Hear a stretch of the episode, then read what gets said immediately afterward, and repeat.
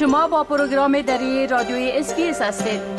گزارشات عالی را در sbs.com.au دری پیدا کنید. شنونده های عزیز اکنون فضیلت تصمیم همکار بخش نشرات اینترنتی ما درباره موضوعات مهمی که ای هفته رخ داده و در وبسایت ما هم نشر شده معلومات میتن در صفحه اینترنتی SBS به زبان دری به آدرس sbs.com.au دری هر روز مطالب جالب و دانستنی درباره تازه ترین رویدادها و تحولات در بخش های اجتماعی، سیاسی، اقتصادی، فرهنگی و غیره نشر میشه. فضیله جان تصمیم سلام عرض می کنم خب اولتر از همه اگر بگوین که در ای هفته چی حوادث رخ داده که در وبسایت ما هم منعکس شده. سلام خدمت شما شکر صاحب و خدمت همه شنونده محترم. بله یکی از مهمترین موضوعات ای هفته کاهش یافتن حمایت از تغییر نظام استرالیا به جمهوری و تعقیب مرگ ملک الیزابت دوم در بین مردم استرالیا بود. بعض در مورد تعیین رئیس دولت مستقل در استرالیا بیشتر شده. هرچند انتونی البنیزی نخست وزیر استرالیا گفته که اکنون زمان مناسب برای بحث در مورد فشار جمهوری خواهی نیست. همچنان یکی از موضوعات مهم ای بود که شبکه اینترنتی و مخابراتی آپتس هدف حمله هکرها و جلکاران اینترنتی قرار گرفت و میلیون ها مشتری این شبکه تحت تاثیر ای جلکاری قرار گرفتن و یا در هدف قرار گرفتن هستند در این هفته همچنان با وجود تلاش مامورین نجات و محافظین محیط زیست بحری بیشتر از 230 نهنگ در سواحل بحری تزمانیا جانهایشان از دست دادند. این دومین حادثه در جریان چند روز گذشته بود که روز دوشنبه گذشته هم با تعداد 14 نهنگ در سواحل بحری تزمانیا گیر مانده و جانهایشان را از دست دادند. مطلب دیگر در مورد اعتراضات مردم ایران به خاطر قتل زن جوان دستگیر شده بود که این تظاهرات هنوزم ادامه دارند. همچنان مراسم سوگواری به خاطر مرگ ملکه الیزابت دوم روز پنجشنبه در استرالیا برگزار شد و این روز در سرتاسر استرالیا تعطیل عمومی نیست اعلان شده بود. بله. خب از حمایت در مورد تغییر نظام استرالیا به جمهوری گفتین. میشه که در این باره یک مقدار توضیحات بتین؟ بله. حمایت از تغییر نظام استرالیا به جمهوری به تعقیب مرگ ملکه الیزابت دوم در بین مردم استرالیا کاهش یافته.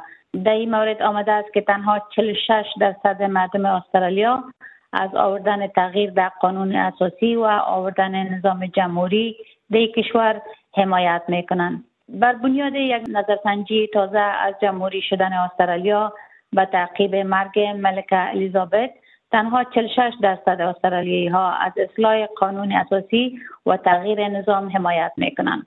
ای در حال است که به تعقیب مرگ ملکه الیزابت دوم بعد در مورد تعیین رئیس دولت مستقل در استرالیا بیشتر شده.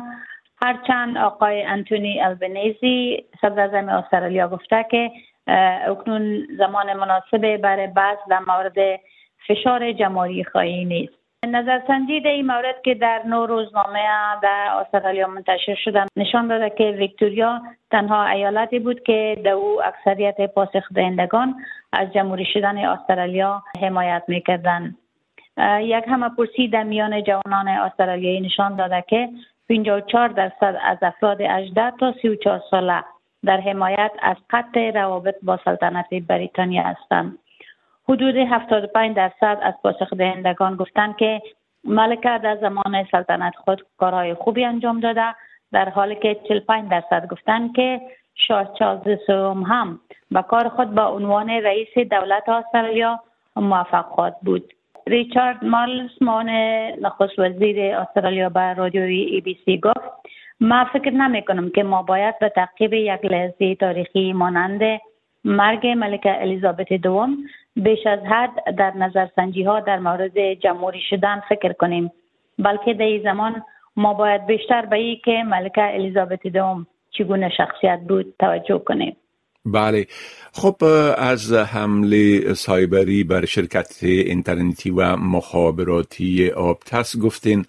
اگر یک مقدار در ای باره لطفا توضیحات بتین بله شکل صاحب قسمی که شما گفتین شبکه اینترنتی و مخابراتی Optus در استرالیا هدف حمله جعلکاران قرار گرفت.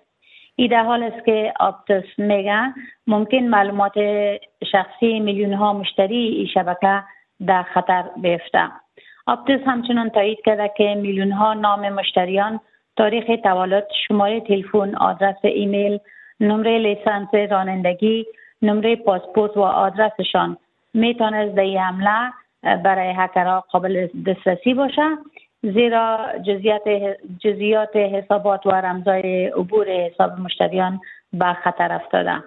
آپتس همچنان میگه که با مرکز امنیت سایبری استرالیا در این مورد کار می‌کنه تا هر گونه خطر به مشتریایش محدود بسازه. این مسئله به پلیس فدرال استرالیا هم اطلاع داده شده.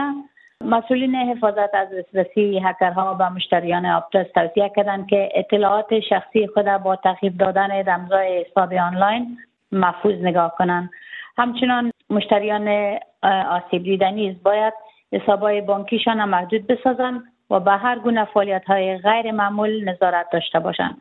مسئولین حفاظت از دسترسی هکرها میگن مهم است که آگاه باشیم که ممکن است در معرض خطر سرقت هویت قرار گرفته باشیم و برای جلوگیری از چنین آسیب اقدام فوری انجام بدیم. هرگز بر روی لینکی که براتان فرستاده میشه کلیک نکنین و از ارائه اطلاعات شخصی یا مالی به کسی که با شما تماس می‌گیره خودداری بکنین. بله. خب فضیله جان تصمیم از این معلوماتتان بسیار تشکر و فعلا شما را به خدا می سپارم و روز خوش برتان آرزو می کنم. روز شما هم خوش تشکر می خواهید این گونه گزارش ها را بیشتر بشنوید؟ به این گزارشات از طریق Apple Podcast، Google Podcast، Spotify و یا هر جایی که پادکاستتان را می گیرید گوش دهید.